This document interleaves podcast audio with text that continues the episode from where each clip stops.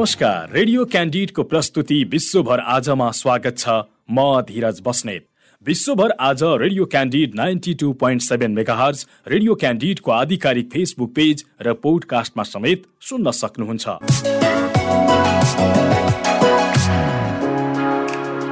विश्वभर आजमा हामी विश्वभर घटेका ताजा र विशेष घटना समेटिएका समाचार सामग्री प्रस्तुत गर्दै आएका छौँ। विश्वभर आज हरेक दिन बेलुका आठ बजेको क्यान्डिड फटाफटपछि प्रसारण हुँदै आएको छ। विश्वभर आज भएका प्रमुख घटनाहरू जुन तपाईँले जान्न खोजिरहनु भएको छ वा जान्नै पर्ने केही विशेष छ।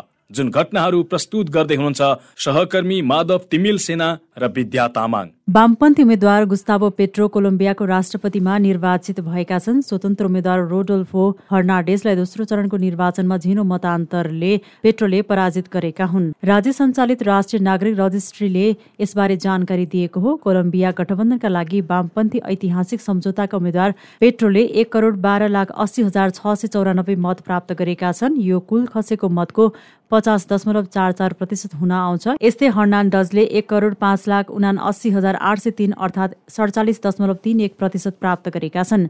नवनिर्वाचित राष्ट्रपतिले ट्विटरमा भनेका छन् यो उत्सवको दिन हो। पहिलो लोकप्रिय विजयको उत्सव बनाऊ पेट्रोलले लेखेका छन्। यो विजय भगवानको लागि हो जनता र यसको इतिहासको लागि हो। आज सडक र चोकको दिन हो। बैसठी वर्षीय पेट्रो राजधानी बोगाटाका सेनेटर र पूर्व मेयर हुन्।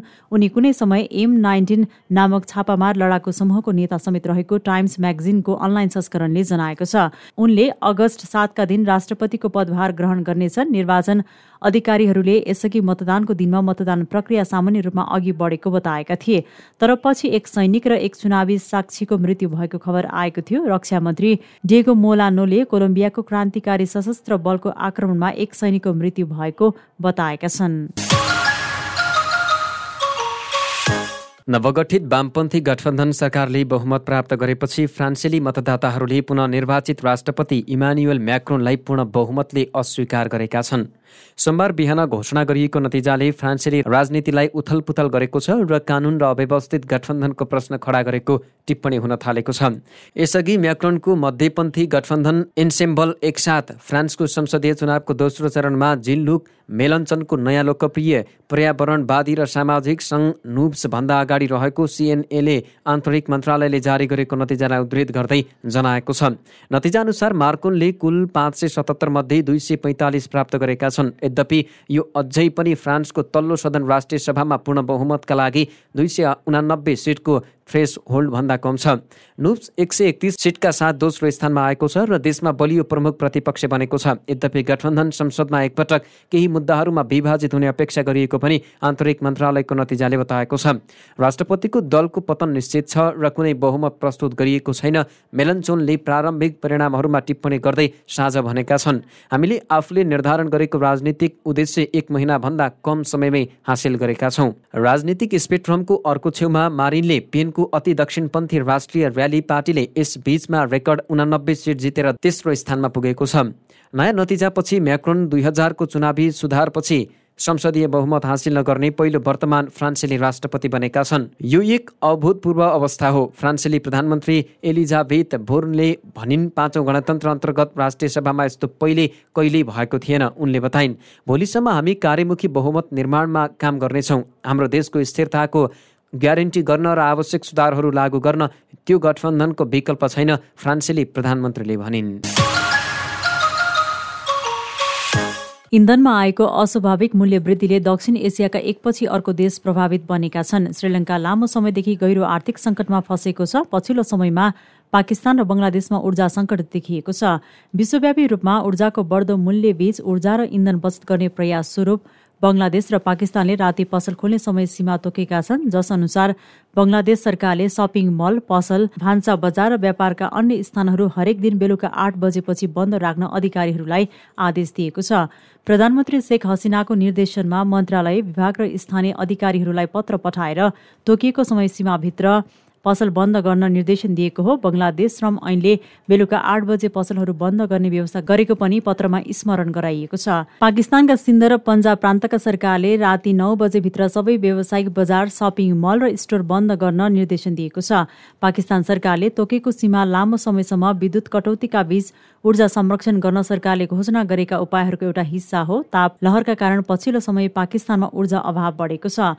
रुस युक्रेन युद्ध सुरु भएपछि विश्वव्यापी रूपमा इन्धनको मूल्य बढेको छ। गत वर्ष डिसेम्बरमा प्रति ब्यारेल पैँसठी डलरमा बिक्री भएको कच्चा तेल मार्चमा एक सय चौबिस डलरमा उक्लिएको थियो। अहिले प्रति ब्यारेल करिब एक सय बिस डलरमा बिक्री भइरहेको छ।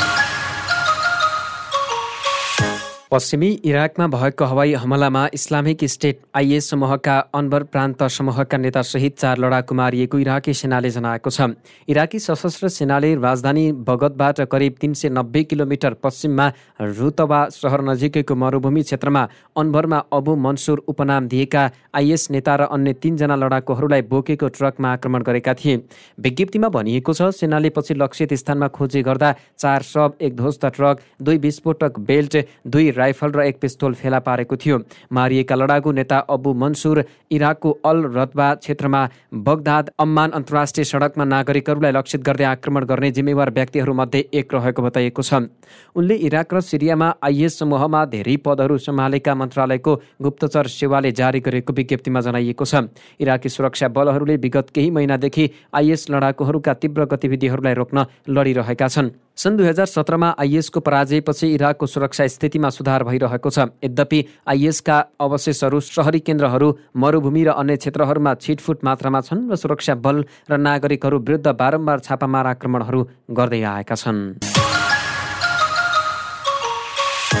अमेरिकाको वासिङटन डिसीमा गोली चल्दा एक प्रहरी अधिकारी सहित केही मानिस घाइते भएका छन्। गोली लागेका मध्ये एक किशोरको मृत्यु भएको बताइएको छ। दुई वयस्क र एक किशोरमाथि गोली हानिएको थियो। त्यस्तै एक प्रहरी अधिकारीलाई पनि गोली हानिएको महानगरीय प्रहरी विभाग प्रमुख रोबर्ट जे कोन्टीले भने गोली लागेर घाइते भएका प्रहरी अधिकारी र अन्य दुईजनाको अस्पतालमा उपचार भइरहेको छ। घाइते किशोरको भने मृत्यु भएको प्रहरीले जनाएको छ।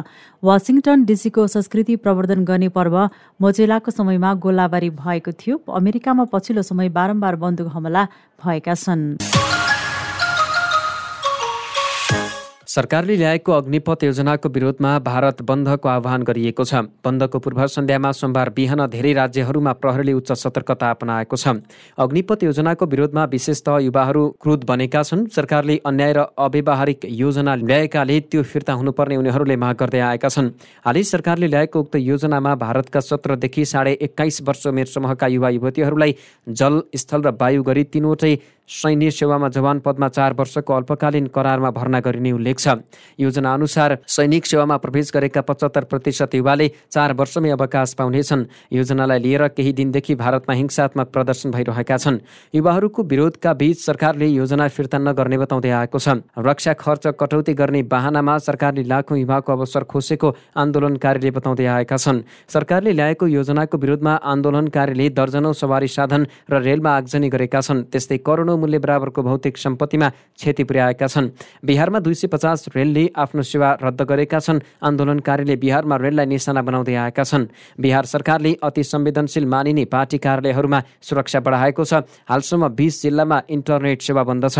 केरला प्रहरीले आफ्नो सम्पूर्ण बल आज हिस्सा नियन्त्रणमा लगाउने जनाएको छ। युक्रेनको संसदले मिडिया र सार्वजनिक स्थानहरूमा केही रुसी सङ्गीतलाई प्रतिबन्ध लगाउने पक्षमा मतदान गरेको छ। यो प्रतिबन्ध सबै रुसी सङ्गीतमा लागू हुने छैन। यो प्रतिबन्ध सोभियत सङ्घको पतनपछि सन् उन्नाइस सय एकानब्बेपछि रुसी नागरिक भएकाहरूद्वारा सृजना गरिएको वा प्रदर्शन गरिएको सङ्गीतसँग सम्बन्धित छ। तर युक्रेनमा रुसी युद्धको निन्दा गर्ने कलाकारहरूले प्रतिबन्धबाट छुटको लागि निवेदन दिन सक्छन्। त्यस्तै रुस र बेलारुसबाट पुस्तक आयात गर्न पनि संसदले प्रतिबन्ध लगाएको छ। पूर्वी र दक्षिण युक्रेनका क्षेत्रहरूमा बसोबास गर्नेहरू मध्ये धेरैले ऐतिहासिक रूपमा रुससँग बलियो सम्बन्ध महसुस गरेका छन्। त्यस क्षेत्रका प्राय मानिसको पहिलो भाषा रुसी भाषा हो। तर युक्रेनमा रुसी हमलाले धेरै युक्रेनीहरूलाई रुसी संस्कृतिबाट अलग गर्न खोजेको छ। सांसदहरूले अनुमोदन गरेको विधेयकले टेलिभिजन रेडियो विद्यालय सार्वजनिक यातायात होटल रेस्टुरेन्ट सिनेमाघर र अन्य सार्वजनिक स्थानहरूमा केही रुसी सङ्गीत बजाउन वा प्रदर्शन गर्न प्रतिबन्ध लगाएको छ। नेटोका महासचिवले रुस युक्रेन युद्ध वर्षौंसम्म चल्न सक्ने बताएका छन्। उनले पश्चिमा देशहरूलाई युक्रेनको समर्थन जारी राख्नका लागि तयार रहनुपर्ने बताएका छन्। नेटोका महासचिव जेन्स स्टोल्टेनभर्गले लडाईँको मूल्य निकै ठुलो भएको भए पनि रुसलाई उसको सैन्य योजना हासिल गर्ने मूल्य त्यसभन्दा पनि ठुलो हुन सक्ने बताएका छन्। जेन्स स्टोल्टेनबर्ग भन्दा पहिला बेलायती प्रधानमन्त्री बोरिस जोन्सनले पनि रुस युक्रेन युद्ध लामो समयसम्म चल्न सक्ने बताएका थिए। जोन्सन र स्टोल्टेनबर्ग दुवैले धेरै हतियार पठाउँदा युक्रेनको जितको सम्भावना बढ्ने बताएको बिबिसीले उल्लेख गरेको छ। र सिङ्गापुरमा कोभिड नाइन्टिन संक्रमितको संख्या पुनः वृद्धि हुन थालेको छ। सिङ्गापुरले थप तीन हजार एक सय उनासय व्यक्तिमा कोभिड नाइन्टिन संक्रमण भएको पुष्टि गरेको हो। यो सँगै त्यहाँ कुल संक्रमितको संख्या तेह्र लाख सडसठी हजार सात सय एकसठी पुगेको छ। स्वास्थ्य मन्त्रालयले सार्वजनिक गरेको तथ्याङ्क अनुसार पिसिआर परीक्षणबाट दुई सय अन्ठानब्बे र एन्टिजेन एआरटी परीक्षणद्वारा दुई हजार नौ सय एक व्यक्तिमा संक्रमण पुष्टि गरिएको हो। पुष्टि भएका मध्ये करिब दुई सय उनासय जना विदेशबाट संक्रमित भई आएका र बाँकी सबै आन्तरिक रूपमा संक्रमित भएको बताइएको छ। हल्का लक्षणहरू भएका र कम जोखिम भएकाले आकलन गरेका उनीहरूले चिकित्सकको सल्लाहमा उपचार सेवा लिइरहेका छन्। संक्रमित मध्ये जटिल समस्या भेटिएका आठजनालाई अस्पतालको सघन उपचार कक्षमा राखी उपचार भइरहेको बताइएको छ। त्यहाँ कोभिड नाइन्टिन संक्रमणका कारण थप एकजना बिरामीको मृत्यु भएको छ भने यो सँगै कोभिडबाट मृत्यु हुनेको संख्या एक हजार चार सय तीन पुगेको त्यहाँको मन्त्रालयले जनाएको छ। प्रस्तुतिमा हुनुहुन्थ्यो सहकर्मी माधव तिमिल सेना र विद्या तामाङ।